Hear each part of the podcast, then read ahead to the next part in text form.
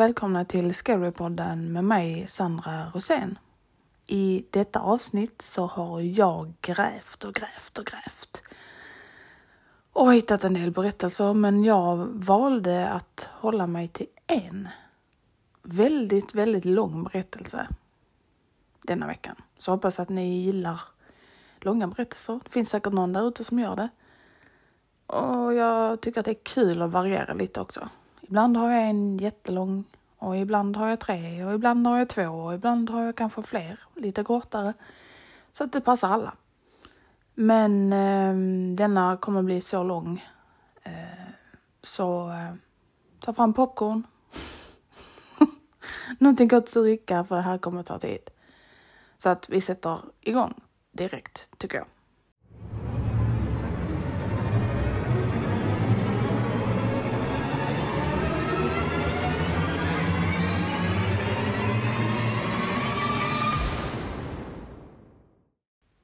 Förra veckan så kunde jag äntligen köpa mitt nya hus. Det var inte särskilt gammalt. Eh, när du först tittar på huset så tror du att det är ett helt vanligt hus med två våningar. Men när du går in i huset så ser det ut som att man har tagit 50-talet till nutiden. Mäklaren berättade att huset var ute för försäljning i bokstavligt talat år. Mäklaren berättade aldrig varför och dansade alltid runt frågan när jag frågade.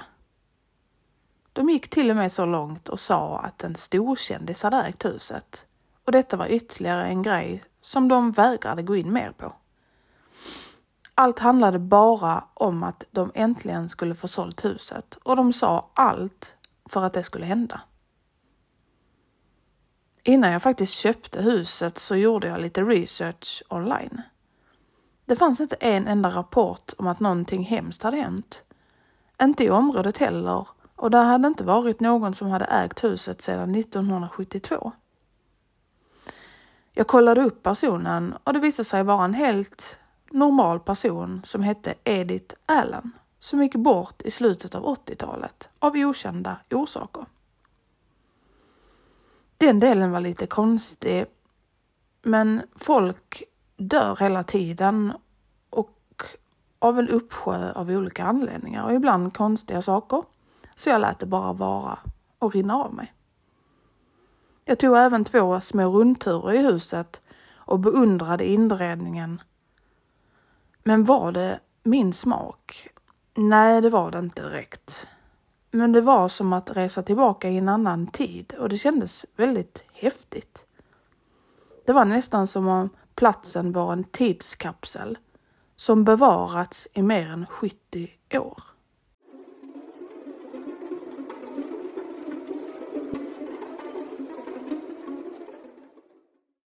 Under en av rundturerna så lade jag märke till en konstig sak.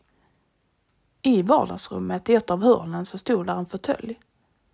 Det är egentligen inget konstigt med det. I ett vardagsrum så brukar det finnas möbler som man kan sitta i. Men det var inte det som var det konstiga, utan det var hur mäklaren reagerade när jag skulle sätta mig ner i den. Han förbjöd det. Han skrek nästan i protest som om jag skulle sätta mig på ett djur och krossa det. När jag frågade honom varför det var en stor grej, då svarade han med att säga att stolen var gammal och att han inte ville att jag skulle göra mig illa. Jag var inte säker på om jag trodde på honom. För att det kändes stabil. Som om det byggdes igår. Jag var mer oroad över den hemska och tunga känslan som jag kände när jag satte mig i den. I alla fall, jag köpte huset och jag fick behålla vilka möbler som jag ville. Ärligt talat så tänkte jag att jag skulle göra mig av med den här fåtöljen. Men så fort jag hade just den tanken så kände jag mig li likgiltig om den. Så jag behöll den. Två dagar efter att jag hade köpt huset och efter att jag flyttat in alla möbler så hade jag några vänner över för en liten inflyttningsfest. Tre av mina närmsta vänner kom med mat och presenter. De fick mig att känna mig väldigt bekväm i mitt nya hem. Vi tittade på film och avnjöt maten de hade tagit med sig. Jag kunde inte sluta le. Jag var omringad av mina vänner i mitt fantastiska nya hem.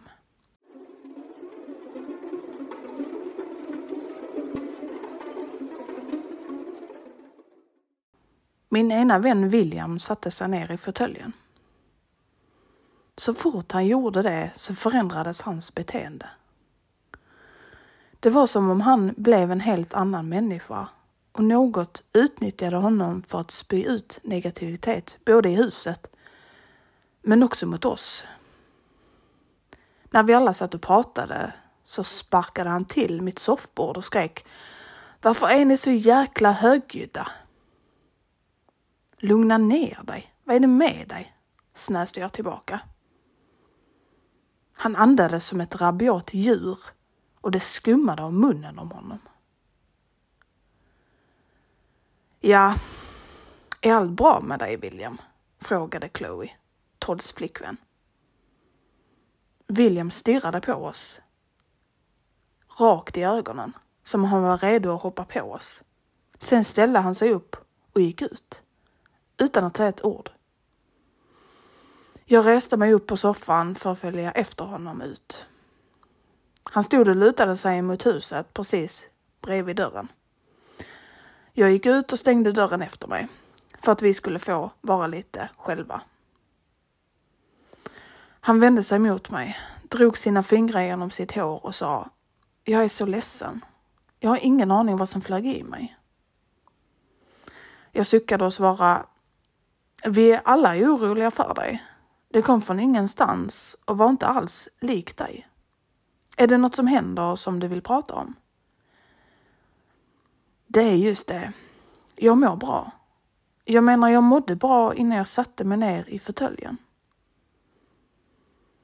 Då kände jag mig annorlunda, du vet. Jag kände att jag hade blivit övertagen av mina känslor.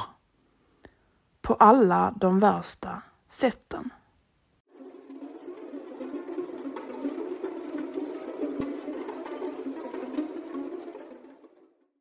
Plötsligt så hörde vi skrik komma inifrån huset. Det lät som om Todd och Chloe bråkade. William sa direkt, vi måste gå in. Jag nickade och öppnade dörren. Det första jag lade märke till när jag klev in igen var att Todd nu satt i fåtöljen. Han pekade på Chloe och förnedrade henne. Todd, vad håller du på med? Chloe backade ifrån honom och ställde sig bredvid mig istället. Jag berättade för den bitchen exakt vad hon behövde höra, skrek han åt mig, medan hans finger som han pekade på Chloe med skakade som ett asplöv. Jag närmade mig honom sakta och frågade Todd, varför följer du inte med mig ut en stund? Vi kan prata om detta. Som jag gjorde med William. Titta, han mår mycket bättre nu. Han tittade på William med ögon som var fulla av hat. Och sedan tittade han på mig. Han tog två djupa andetag innan han reste sig upp från stolen. Så fort han gjorde det så märkte jag en skillnad hos honom direkt. Han verkade förvirrad och lite rädd för det som precis hade hänt. Han tittade mot Chloe som nu i princip gömde sig bakom mig och tog två steg framåt. Men hon gömde sig bara ännu mer bakom mig. Om det ens var möjligt. Vad är det som är fel älskling? Frågade Todd med en darrig röst. Jag tror att det är bäst om du följer med mig ut en stund, Todd, svarade jag i hennes ställe. Jag kunde känna den intensiva rädslan som flödade över henne. Det stod klart att hon aldrig hade varit i en situation som denna, som just hade inträffat. Vilket både var bra och dåligt. Bra för att ingen förtjänar att bli behandlad på detta viset av deras partner och dåligt för att det hände här och nu och till synes på grund av ingen anledning alls.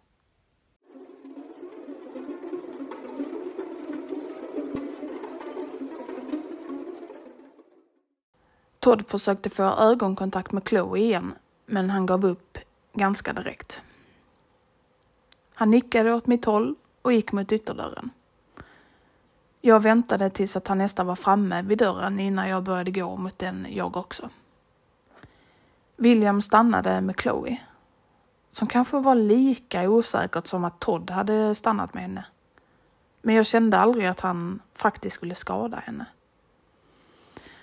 Jag öppnade ytterdörren för Todd och han gick ut med mig bakom honom. Väl där ute så sa han, alltså jag är okej, okay, verkligen. Ta det lugnt, jag vet att du aldrig skulle skada Chloe. Men hon är livrädd just nu.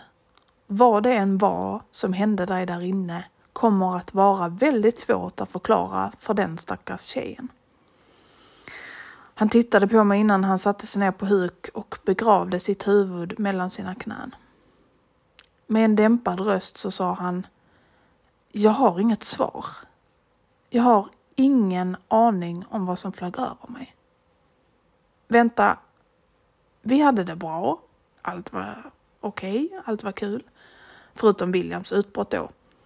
Och sen minns jag att jag bara blev förbannad helt plötsligt. Vad var det som fick dig att byta plats? frågade jag nyfiket. För att vara helt ärlig, började Todd lite försiktigt. Den kallade på mig. Fåtöljen, alltså, menar jag. Jag fick upp en tanke i mitt huvud att fåtöljen nog skulle vara riktigt bekväm att sitta i. Så jag satte mig i den. Och sen kände du dig arg? Arg är bara förnamnet.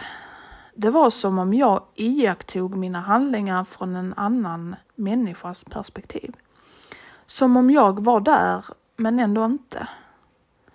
Jag visste att det jag sa var fel och jag kände mig som en fara, både mot mig själv och mot Chloe.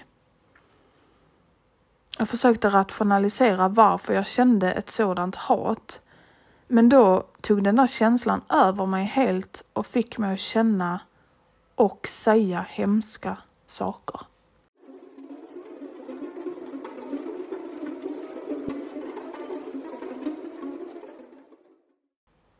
Lugna ner dig Todd, sa jag lite försiktigt.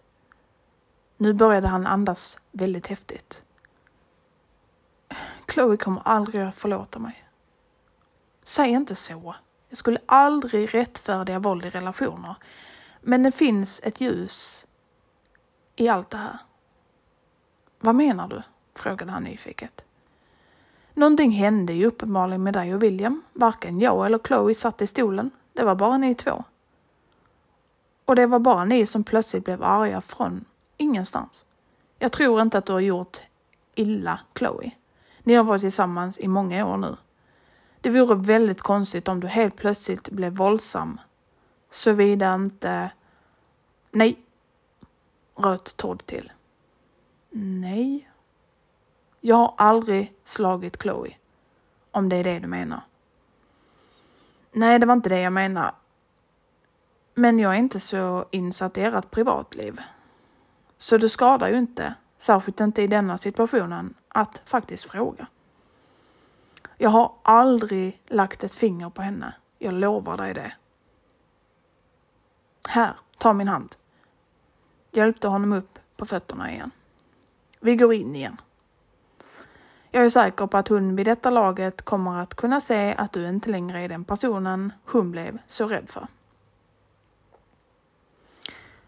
Han nickade efter en stund och följde sedan med mig in igen.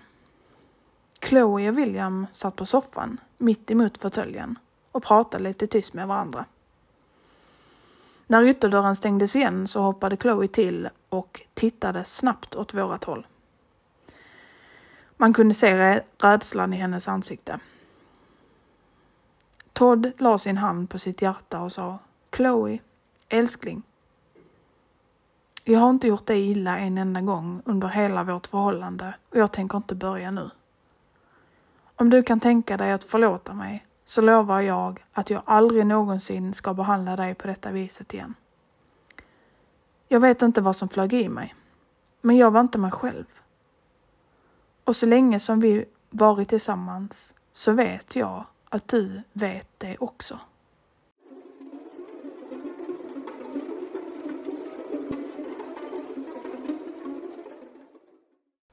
Chloe tittade på William och han nickade.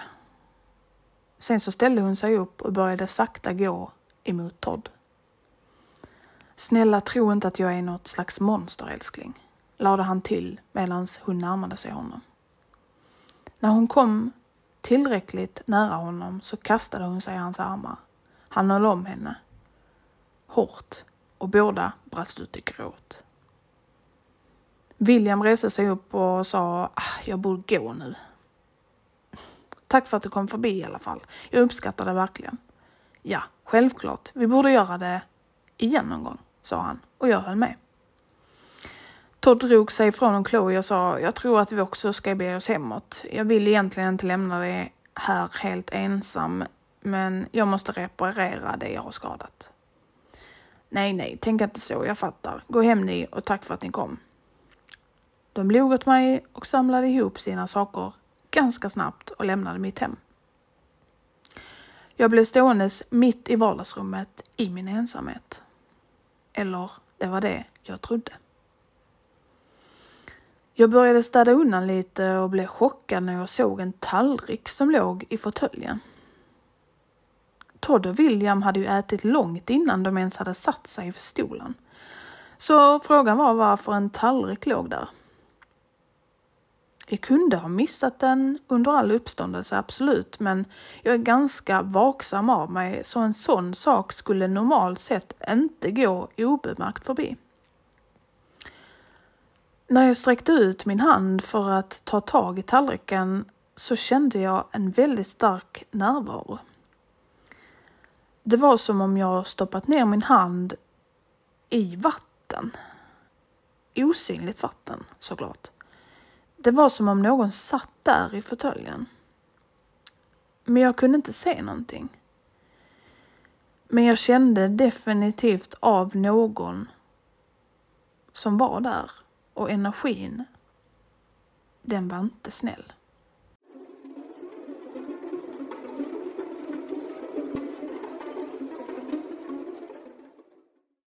Jag tog upp tallriken och kände mig annorlunda när jag började gå ifrån stolen med den.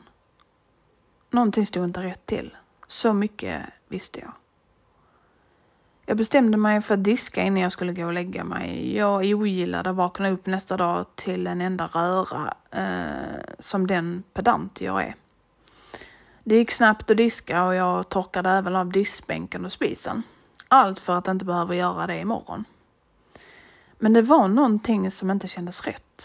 Eh, det var en sorts tjock energi i luften. Jag ska försöka beskriva det på ett bättre sätt. Ni vet den där känslan man får när man går ut på natten och sedan skyndar sig tillbaka in för att det kändes som om någon är precis bakom dig. Kanske en dålig förklaring, men jag hoppas att ni förstår vad jag menar. I alla fall, det spelar egentligen ingen roll. Det som spelar roll är att jag kände på det viset. Den där hårresande och pirrande känslan som gick genom hela min kropp och den gjorde det svårt för mig att vända mig om. Jag lutade mig fortfarande över diskbänken, vänd mot väggen bredvid mitt kylskåp. Men det var något i mig som sa att det inte var en bra idé att vända sig om. Jag tog ett djupt andetag och väntade. Jag försöker räkna till tio och blundade som om det var en guidad meditation eller något. Men sen så försvann känslan plötsligt. Vad det än var som fanns i köket hade nu lämnat. Jag kunde dock inte bekräfta eller förneka att något faktiskt fanns där ändå eftersom att min feghet vann över mig.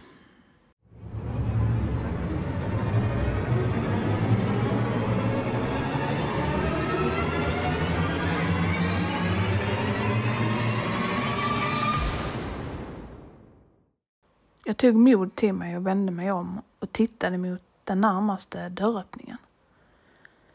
Ingenting fanns där. Jag tittade mot den andra dörröppningen. Ingenting där heller. Jag drog en suck av lättnad och skrattade lite åt mig själv. Jag kunde ju inte bli galen redan. Jag hade ju precis flyttat in. Men ändå, den känslan som jag kände var så påtaglig och med tanke på kvällens händelser så var det tydligt att någonting var på gång. Jag skakade av mig känslan och lämnade köket. Släckte kökslampan och gick mot trappan. När jag skulle ta mitt första steg upp så vände jag mig om för att titta in i vardagsrummet. Luft fyllde mina lungor för att jag flämtade över vad jag såg. Det satt någon i fåtöljen. Det var ganska mörkt i vardagsrummet så jag kunde inte se några detaljer. Det såg bara ut som en mörk siluett. Jag tappade balansen och föll baklänges på trappan som en idiot och gjorde illa min handled. Det kom ett ljud från stolen. Ni vet det ljudet som läder ger ifrån sig när trycket lyfts. Jag var alldeles för upptagen med min verkade handled för att inse att figuren nu hade rest sig från fåtöljen. Jag hörde ett steg och tittade in till vardagsrummet igen och såg då att figuren sakta närmade sig. Med ljuset från glödlampan ovanför trappan så var figuren nu mer synlig.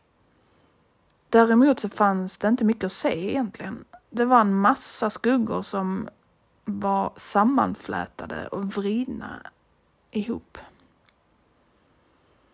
Det gick med armarna vajande som om den knappt kunde hålla dem uppe och den utstrålade ren och skär hat.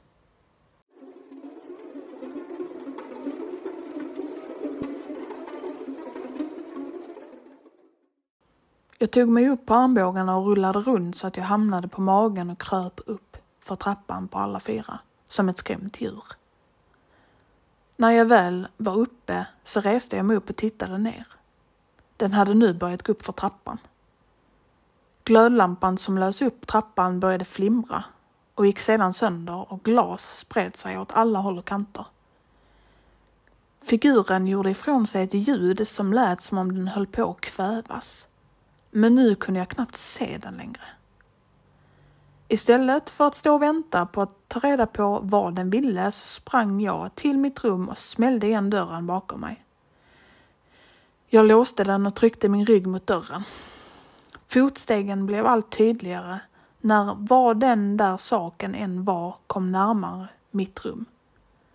En duns hördes och mer ljud som lät som om någon blev strypt. Ungefär som det kan låta när man försöker skrika utan luft i lungorna. Duns, dunk, duns. Fotstegen hade nu stannat precis utanför min dörr. Jag väntade och lyssnade. Jag kunde ana närvaron på andra sidan, som om den försökte bränna ett hål genom dörren.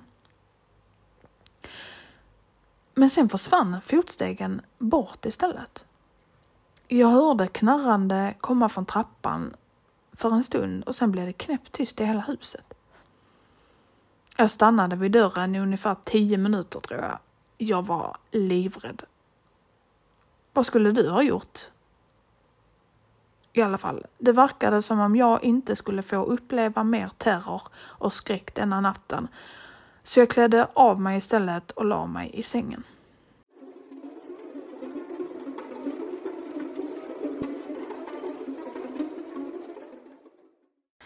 Den natten hade jag den värsta sömnen i hela mitt liv. Det kvittade hur mycket jag än försökte intala mig själv att detta som hänt inte var möjligt, så kunde jag inte somna. Jag tror dock att utmattning tog över där i slutet för att helt plötsligt så var det morgon och solen lös in i mina ögon. Min hjärna var helt mosig de första minuterna efter att jag hade vaknat. Eh, jag mindes inte ens gårdagen. När jag gick upp ur sängen och skulle förbereda mig för att gå ner för trappan, då kom allt tillbaka till mig igen. Men jag hade en idé. När jag försökte sova i natt så låg jag och tänkte på vad jag skulle kunna göra med fåtöljen. Ingen, förutom mina vänner, skulle tro på mig om jag berättade att det var något olycksbådande runt den. Så jag undrade vad jag kunde göra för att bli av med en sån sak. I Richwood, där jag bodde, kom eh, de och hämtade saker som folk inte ville ha längre. Tänk er som en sophämtning fast med möbler och annat. Och idag var dagen som de skulle komma. Allt jag behövde göra var att sätta ut stolen vid trottoaren och mitt problem var löst. Jag låste upp min sovrumsdörr och öppnade den sakta. Glas låg på hela trappan så jag fick akta vart jag satte mina fötter. Den där saken satt inte i fåtöljen, men där fanns en hel del fotspår på golvet. De var helt svarta, som sot, och när jag böjde mig ner för att känna på en av dem så kändes det som aska mot mina fingrar.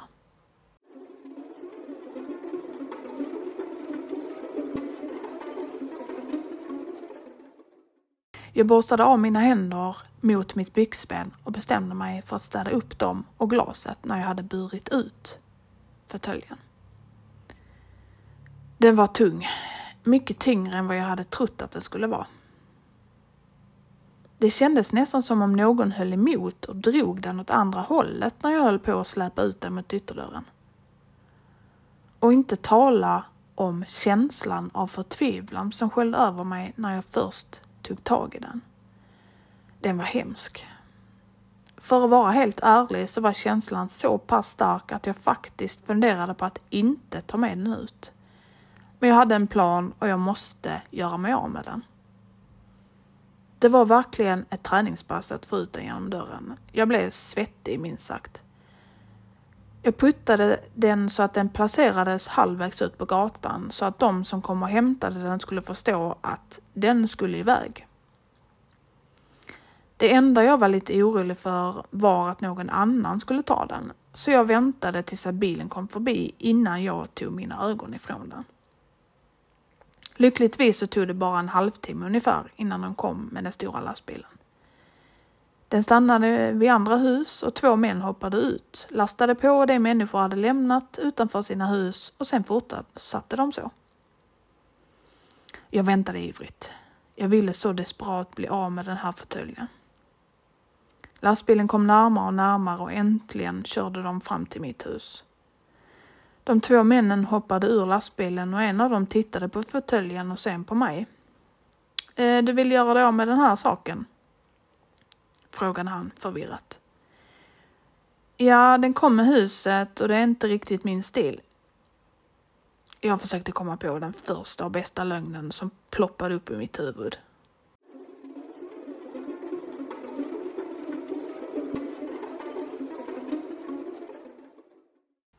Den andra killen sa då, vet du vad? Eh, den ser faktiskt inte så dålig ut. Eh, Kanske tar jag med mig den hem till mig istället. Skrattade han fram. Och den andra killen började också skratta lite smått. Jag började också fnissa lite åt dem. Det blev lite av en skrattfest. Tills att den ena mannen lade sin hand på ryggen av stolen. Hela hans uttryck förändrades och det såg ut som om han ville lämna omedelbart. Den första killen stirrade på honom innan han frågade, är du okej? Okay? Det är bara en fåtölj, Johnny. Ja, sa Johnny tyst.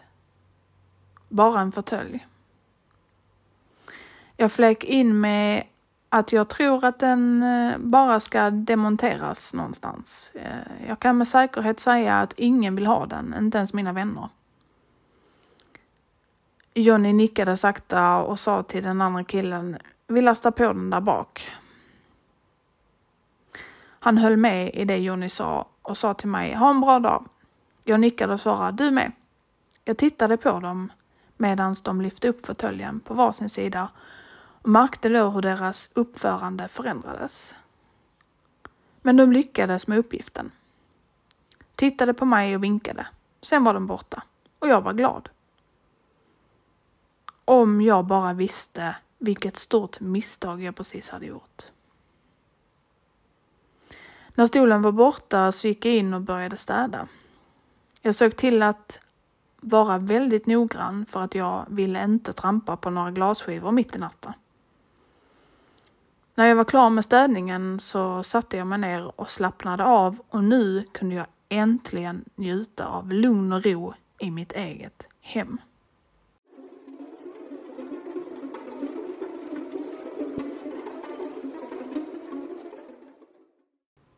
Det stormade den natten, vilket för vissa, inklusive mig, kan vara väldigt fridfullt på sitt eget lilla vis.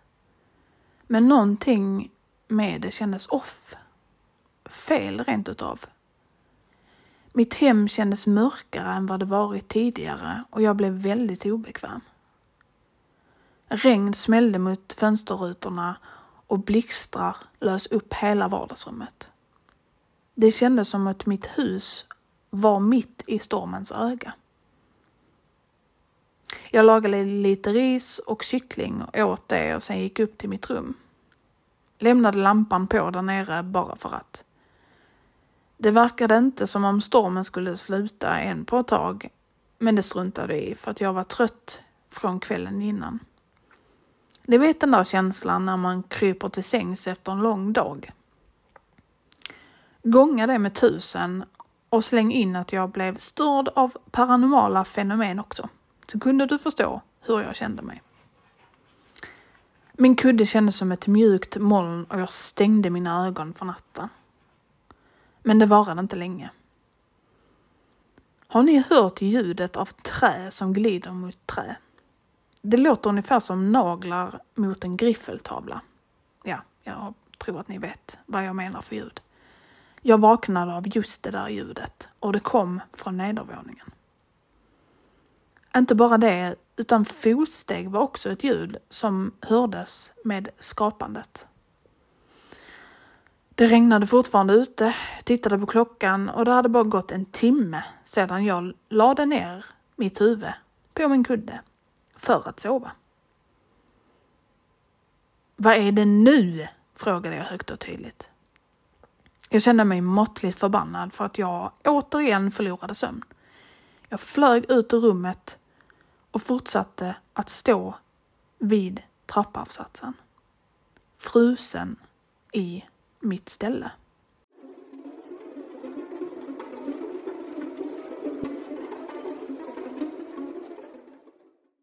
Fåtöljen stod nedanför trappan och ytterdörren stod öppen på vid gavel. Regn hade börjat bilda pölar på golvet och vinden blåste som bara den. I mitt huvud kunde jag inte förstå varför männen kommit tillbaka med stolen hit. Sen blev jag arg för att de hade gått in i mitt hus utan min tillåtelse. Nu när jag ser tillbaka på det så borde jag ha använt min hjärna lite istället för att räkna ihop två plus två. Jag klampade ner för trappan och förberedde mig för världens slagsmål. Men där fanns inte ett spår av killarna från förut. Bara fåtöljen. Jag tittade runt i hela vardagsrummet men inte en själ syntes till någonstans. De måste ju vara i mitt hus dock. För att det fanns leriga fotspår som ledde från ytterdörren fram till den där stolen. Men när jag tittade närmare på fotspåren så insåg jag att det inte alls var lera. Utan det var sot. Våt aska. Sen så såg jag någonting som rörde sig nära fåtöljen. En mörk hand reste sig och smekte ryggen av stolen. Då förstod jag äntligen Männen hade inte kommit tillbaka med fåtöljen, utan den hade tagit sig själv tillbaka. Eller egentligen var det den saken som är bunden till fåtöljen som gjorde det. Jag fylldes med chock när jag hörde en röst som blåste in med vinden i mitt hem och sa Lämna nu. Jag backade några steg när jag såg att en annan hand slingrade sig runt stolen. Vad är du för någonting? skrek jag. Sakta såg jag huvudet på skuggan komma fram bakom stolen och sa med en mörkare röst. Lämna nu!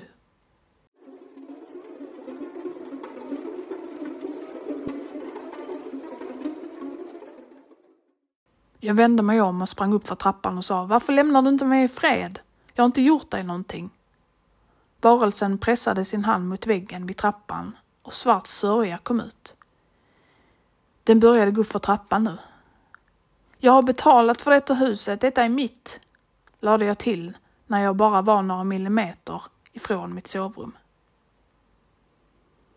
Jag kunde höra den andas. Det lät som om dens lungor var fyllda med vatten. Den tog ett djupt andetag och sa Detta huset är mitt. Jag sprang till mitt rum och precis som natten innan så låste jag dörren och pressade min rygg mot dörren.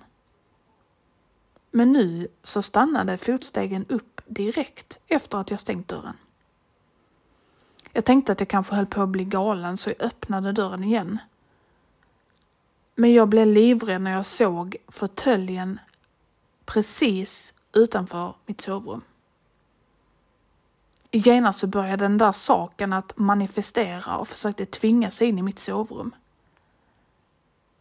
Lämna nu! sa jag om och om igen. Jag tog tag i ett baseballträ som jag hade vid dörren och tryckte den ut genom glipan. Varelsen tog tag i baseballträet som gjorde så att jag kunde putta iväg den tillräckligt långt så att jag kunde stänga dörren.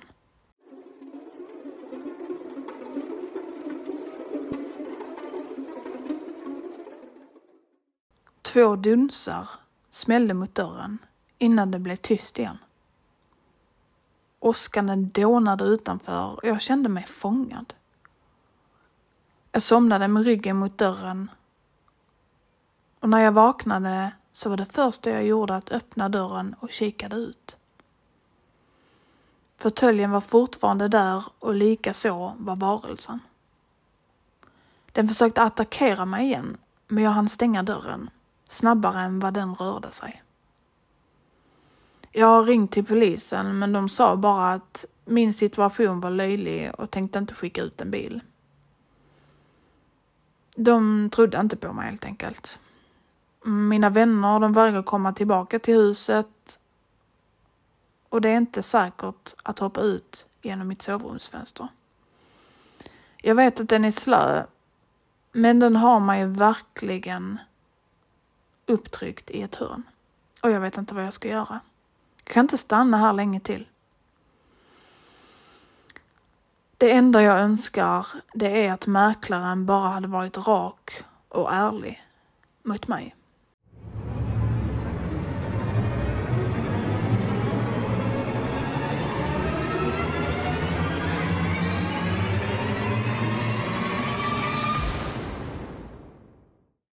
Och detta var då veckans avsnitt som heter Det finns en extremt skrämmande närvaro i mitt nya hus. Ja, vad säger vi om det här då? Först och främst så vill jag bara säga att det blir ett långt avsnitt denna veckan och bara med en berättelse också för att jag tycker att den här berättelsen förtjänade ett helt avsnitt och för att bygga upp stämning um, så är det liksom bättre att ha en sån här lång um, berättelse i ett avsnitt så att den får sin egen plats, så att den får skina själv.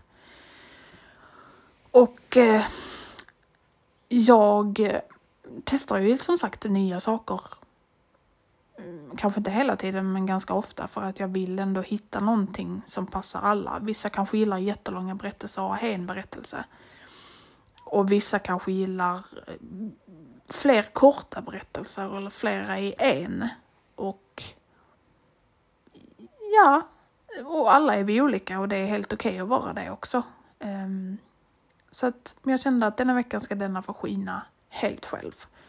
Och då kan man fokusera på den och skriva manus åt den och, och på ett annat sätt liksom och lägga, mer lite, lägga ner lite mer kärlek på just en berättelse. Och när jag läste denna första gången så kände jag bara wow. Gud vad läskigt. För det första, köp inte hus. där det finns möbler kvar och där de är så här skumma om varför den finns kvar. Nej. Köp ett hus, be dem ta med sig det, de grejerna från huset, de som bodde där innan. Och börja om från början med dina möbler. Det påminner också lite om att eh, gå på loppis till exempel och köpa begagnade saker. Jag till exempel älskar att gå på loppis men jag har så svårt att köpa saker på loppis för att jag är rädd för att jag ska få med mig någonting hem som inte jag vill ha. Ehm, så att det blir hemsökt hemma hos mig, så nej tack. Och sen tänker jag lite på vad det kan vara. Jag tänker ju spontant att det är den här kvinnan då eh, som bodde där innan. Eh, att hon dog just i den där stolen. Och att det är därför det är så eh, centrerat runt den stolen. Det är vad jag tror. Vad tror ni? Och vad tyckte ni om veckans avsnitt? Ni får gärna följa på Instagram där jag heter Scarypodden och där kan vi diskutera om veckans avsnitt. Och eh, följ med där så att ni inte missar någonting vad som händer. Och jag släpper ju varje söndag. Så eh, ja, vi hörs nästa vecka. Och har du som lyssnar, eller om du vet någon som har varit med om någonting själv, så skulle det vara jätte, jätte, jättekul att få ta del av det. Och har ni någonting så kan ni skicka det till scarypodden at hotmail.com så tar jag med det i ett kommande avsnitt. Men vi hörs nästa vecka, helt enkelt. Och tack för att just du lyssnade.